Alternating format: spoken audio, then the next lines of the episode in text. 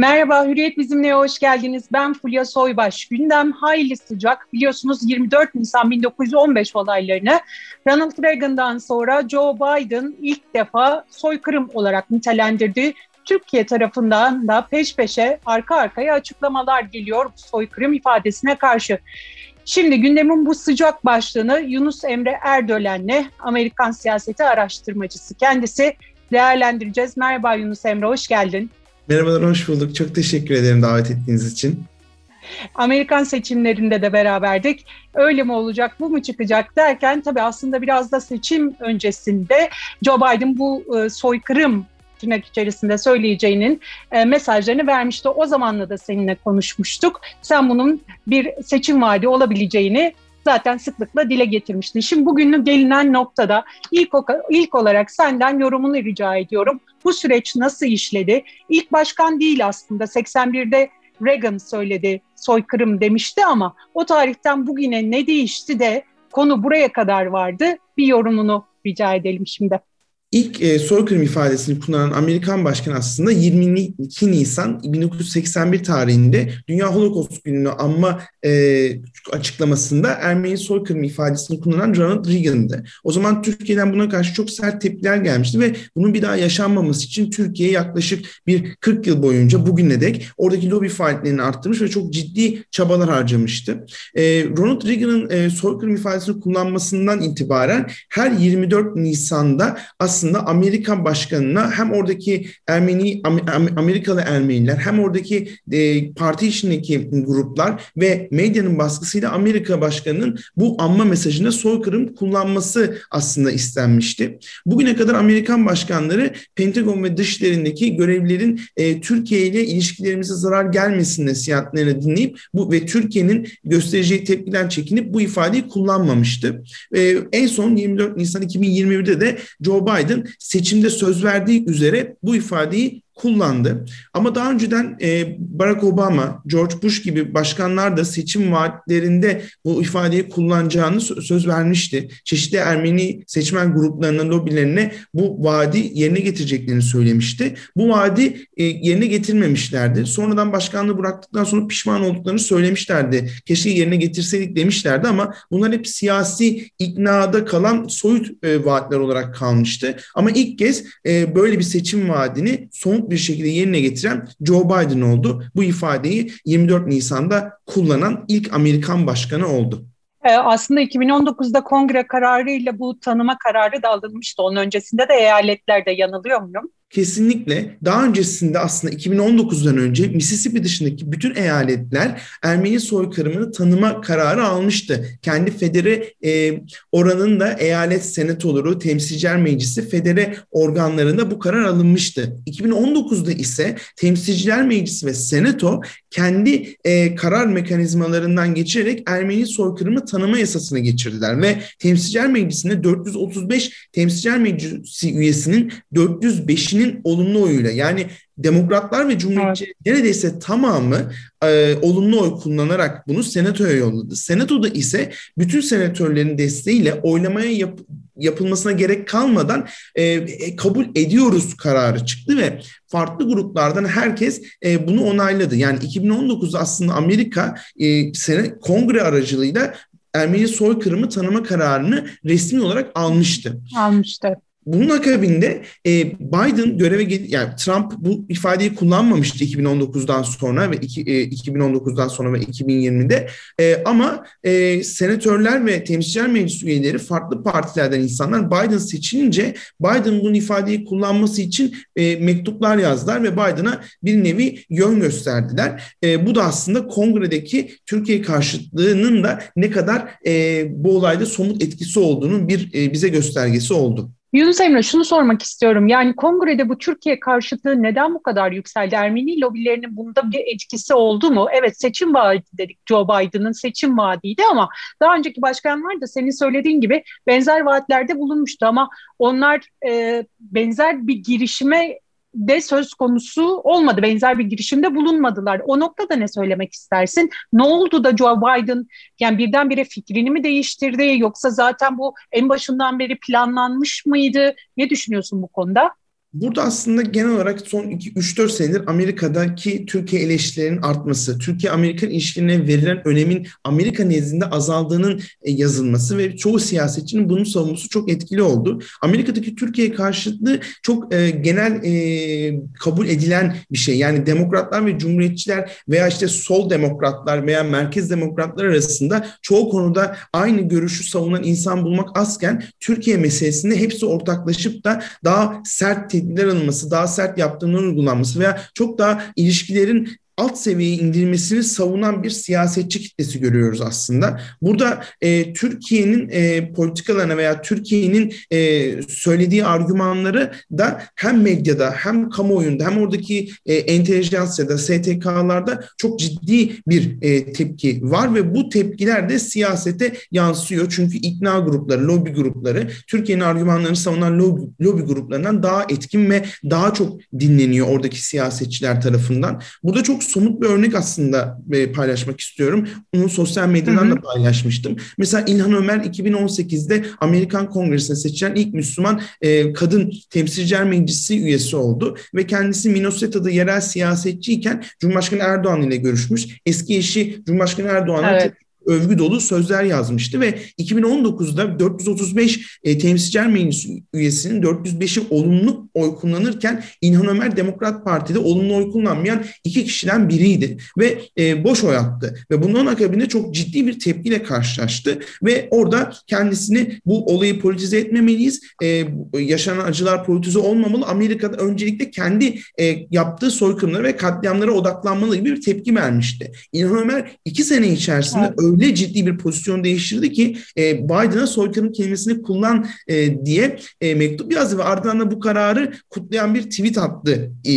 geçtiğimiz gün. Yani bütün bunları hesaba kattığımızda e, en zor şartlarda bile Türkiye'yi destekleyen e, siyasetçilerin şimdi bu e, tavrını değiştirdiğini görüyoruz. Yani bu noktada kongredeki tavır Biden'ın bizim konuştuğumuz tavrından da daha sert. E, hatta şunu da söyleyebiliriz. Demokrat Parti ön seçimleri falan geçti ama Demokrat Parti ön seçimlerinde de diğer adayların açıklamaları da Biden'dan daha sertti. Yani Biden yine e, kendi e, partisindeki açıklamalara nazaran sert açıklamalar tabii ama daha az sert açıklama yapan bir tarafta. Çünkü Türkiye karşıtlığı ciddi anlamda artmış durumda kongrede. Peki bunun Amerika'daki yankıları ne oldu? Yani Erben'in lobisinden ciddi bir alkış aldığını biliyoruz ama e, şöyle bir bakabilme şansın oldu mu? Artıları, eksileri nasıl değerlendiriyor Amerikan halkı durumu? Şimdi iki tane tepki var. Yüzde seksen, yüzde doksan e, gördüğüm, okuduğum kadarıyla çok farklı partilerden, çok farklı fikirlerden insanlar bunu coşkuyla kutluyorlar Amerika'da. Çünkü Amerika'daki e, Ermenilerin uzun yıllardır uğraştığı ve olmasını istediği bir şeydi ve evet. neredeyse e, bütün mekanizmayı ve stratejiyi bu 24 Nisan'daki açıklamada kullanılacak kelimeye aslında yüklemişlerdi. Bundan da büyük bir zafer Amerika'daki Ermenilerin kendi nezdinde. Yine Amerikalıların da e, sonuçta bu Türkiye karşıtı fazla olduğu için bunu Türkiye'ye yönelik bir hamle olarak görüldüğü için bu da Amerikalılardaki Türkiye'ye karşı olumsuz bakışa sahip insanları da çok mutlu etti.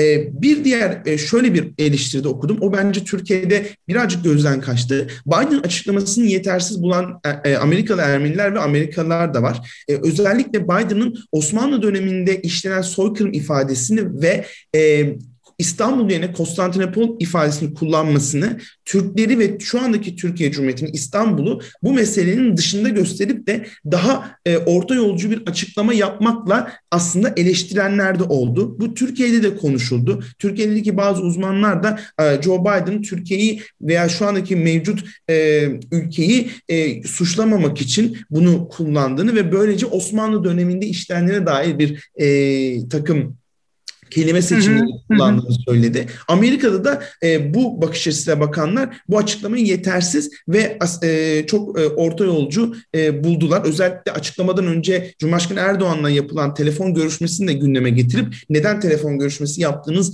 diyenler de oldu. Bu nedenle çoğunluğu memnun etti diyebiliriz Amerika'da ama yine e, memnun etmeyen, yetersiz bulan bir kesim de var. O zaman şöyle bir sonuç çıkıyor mu? Her şeye rağmen Türkiye ile olan ilişkilerimize aman zarar gelmesin diye bugüne kadar birçok e, başkan bu konuda titizlikle davranırken ve tabii ki Türkiye'nin bu noktada başarılı e, dış politikası ve çabalarıyla bugüne kadar kullanılmayan soykırım kelimesi bugün Biden tarafından e, kolaylıkla ifade edilebildi tekrar tırnak içerisinde. Bu noktada Biden hani artık Biden yönetimi diyeyim. Bu noktada gemileri yakmış e, Türkiye ile ilişkiler ne olursa olsun gibi bir tavır, hal tavır içerisine girmiş diyebilir miyiz? Doğru olur mu bunu söylemek? Şöyle bir gerçek var daha önceki başkanlar her zaman e, şu düşünce içerisinde dediğiniz gibi Türkiye bu ifadeyi kullanırsak Türkiye ile stratejik ortaklığımız olduğu alanlarda sıkıntı yaşarız ve bu nedenle de bu ifadeyi kullanmayalım ve Türkiye ile o e, ortaklaşa yaptığımız şeylerde müttefikliğimize zarar gelmesin. Biden bu düşüncede e, içerisinde bu karar vermeden önce ki bu çok bariz Türkiye ile ortaklaştığı alanların önemini seleflerine göre daha az görüyor ki soykırım ifadesini kullanabil kullandı. Çünkü şöyle bir durum var. Biden bunu kullanmasaydı çok büyük bir zorluğa ya da işte çok büyük bir tepkiyle karşılaşmayabilirdi. Daha önceki başkanlar gibi açıklar ve bunu geçerdi. Çünkü şu anda gayet e, desteğe sahip, gayet partisinde güçlü ve e, çok da e, büyük siyasi amaçları olmayan tek dönemlik başkanlık bile düşünme ihtimali olan bir isim. Bu nedenle de bunu söylememe şansı vardı ve bu nedenle şunu söyleyebiliriz. Seleflerine göre Türkiye ile olan stratejik ilişkilere daha az önem veriyor. E, bunu net bir şekilde Amerikan basınında da yansıyan Biden neden bunu kullandı adlı makalelerin farklı görüşteki gazetelerdeki ortak e, argümanı buydu. Ama bir gün önce Cumhurbaşkanı Erdoğan'la bir görüşme gerçekleştirmesi ve bu görüşmede Haziran'da NATO'da yüz yüze görüşme e, gibi bir sonucun çıkması ki bu görüşmede de bu soykırım kelimesinin kullanılacağı da aslında belirtildiği Amerika nezdinde yazıldı kulislerde bu beyaz kaynak Beyaz Saray kaynaklı haberlerde. Bütün bunlar ışığında e, buna rağmen ilerlenmesinin niyeti olduğu belli. Ama tabii ki bu ne kadar ilerlenecek, ne kadar hangi konularda uzlaşılacak bir sürü konu başlığı var burada. Halkbank, S-400, işte F-35 tamam. programları, Suriye meselesi bütün bu konu başlıkları altında ne kadar iki taraf e, ortak bir çözüme varacak veya varmayacak. E, bu çok önemli. Bir de bu telefon görüşmesindeki açıklamada e, anlaştığımız konulardaki işbirliğinin arttırılması ama anlaşamadığımız konularda da çok efektif bir şekilde bu anlaşam anlaşamamakta anlaşmanın aslında dile getirilmesi vardı. E, bu süreci evet. hep beraber göreceğiz. Sanırım bu daha da somutlaşacak Haziran'a kadar ve Haziran'daki görüşmede artık biz e, bu e, soyut e, tartışmayı daha somut verilerle ha, iki tarafın argümanlarını iyi iyice duyarak da e, dinleyeceğiz. E, bu bu açıdan e, tabii ki daha önceki seleflerine göre bir Türkiye'nin stratejik önemin Amerika nezdinde azalması söz konusu. En azından Amerika nezdinde bu böyle. E, ve ama bu yaşanan gelişmeler de bize bu ilişkilerin uzun soluklu da devam etme niyetinin olduğunu en azından şimdilik gösteriyor. Peki bundan sonraki Türkiye-Amerikan ilişkileri konusunda biraz daha görebilmek için önümüzde zaman var diyorsun en azından Haziran'a kadar. Ama gene de hani e, en önemli başlık şu şu olabilir diyebileceğim bir şey var mı? Nasıl şekilleniyor Türkiye-Amerikan ilişkileri onu sorayım. Bir de bundan sonraki 24 Nisanlarda Biden'ın soykırım kelimesini kullanmış olması diğer başkanların da bunu kullanacağı anlamına mı geliyor? Evet, bundan sonra büyük ihtimalle yani %90 her türlü Amerikan başkanı her 24 Nisan'da soykırım ifadesini kullanacaktır. Çünkü bu bir kere kullanıldı mı gerisinin gelebileceği bir konu. Çünkü daha önce kullanılmamasının sebebi Türkiye'nin e, olan ilişkilerin zedeleneceği inancıydı. E, Türk bir kere kullanıldıktan sonra o zararlar zaten verildikten sonra Tabii. ya bundan sonraki başkanlar bunu kullanmama gibi bir şey, şey yapmayacaklardır diye düşünüyorum. Bu yüzden artık her 24 Nisan'da soykırım açıklamasını duyacağız. E, çok ekstrem düşük bir olasılıkla farklı bir başkan anlayışı gelmez ki ki bu Amerika'nın %90'ına da sahip olduğu bir düşünce tarzı zaten bu meseleye bakış bu. Hı hı. E, genel olarak bundan sonra önümüzdeki süreçlerde bir kere Halkbank davasının sonucunu hep beraber bekleyeceğiz. Bu davanın gidişatını e, bekleyeceğiz. Bu da e, yaza doğru sanırım o tam davanın evet. çok daha karışık bizim bildiğimizden. Bu nedenle orayı takip edeceğiz. S-400 konusunda ki müzakereler olacak mı olmayacak mı bu konuda iki tarafın argümanları ne olacak diye başlıkta var. Amerika bu konuda bizim iç yasamız ve bu iç yasamız olduğu için bunu pek tartışmaya açmıyoruz. S-400'ün Türkiye'nin bulundurmaması lazım argümanına sahip şu anda ve bunu sık sık dile getiriyorlar. Dışişleri Bakanlığı veya Büyükelçiler nezdinde bunları bu açıklama önemli. Özellikle bu Ukrayna'daki kriz şu anda birazcık daha gerilimi düşürmüş gibi duruyor ama Ukrayna'nın uzun vadede NATO ile veya Batı ile olan entegrasyonundaki gelişmeler yine Türkiye'nin e, daha e, gündemde olacağı bir süreç. Afganistan'daki barış süreci Amerika'nın Afganistan'dan çekilmesi, Türk askerlerinin orada bir süre daha fazla kalması bunlar Amerikan basında e, yazılıyor. E, Türkiye'nin bu barış görüşmelerinde ara bulucu olacağı yazılıyor. Bunlar yine e, bu parametrelerden biri. Suriye'de ne olacak daha şu anda somut bir şey yok sadece konuşuluyor belki ama Suriye politikasında da Biden'ın e, şu anda Suriye çok öncelik değil. Çok Suriye e, konuşulmuyor Biden ve dış politika nezdinde ama bu da bir parametre olacak. Şu anda Amerika'nın e, önceliklerinden Çin, Rusya ile olan rekabeti artı İran'la olan nükleer müzakereler söz konusu.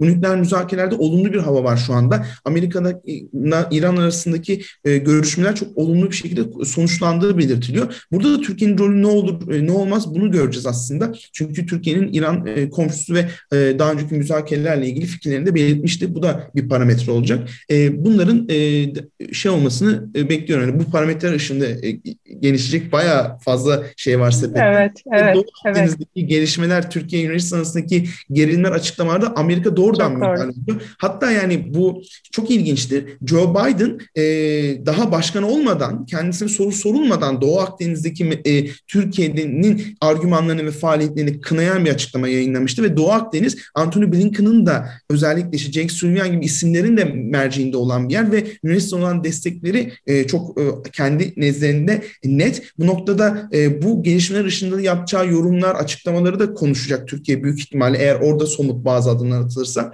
Bunlar e, bizim parametrelerimiz. Önemli başlıklar. Evet evet çok önemli başlıklar ve çok yani önümüzdeki süreç biraz daha zorlu geçecek gibi. Çünkü saydığım başlıklar ve parametreler diyeyim gerçekten e, sonuca ulaşması zor parametreler. Bu arada e, en son biz onu hani tatlı tatlı eldivenleriyle görmüştük, capslerle falan hayatımıza girmişti ama Sanders'tan da bir destek geldi değil mi?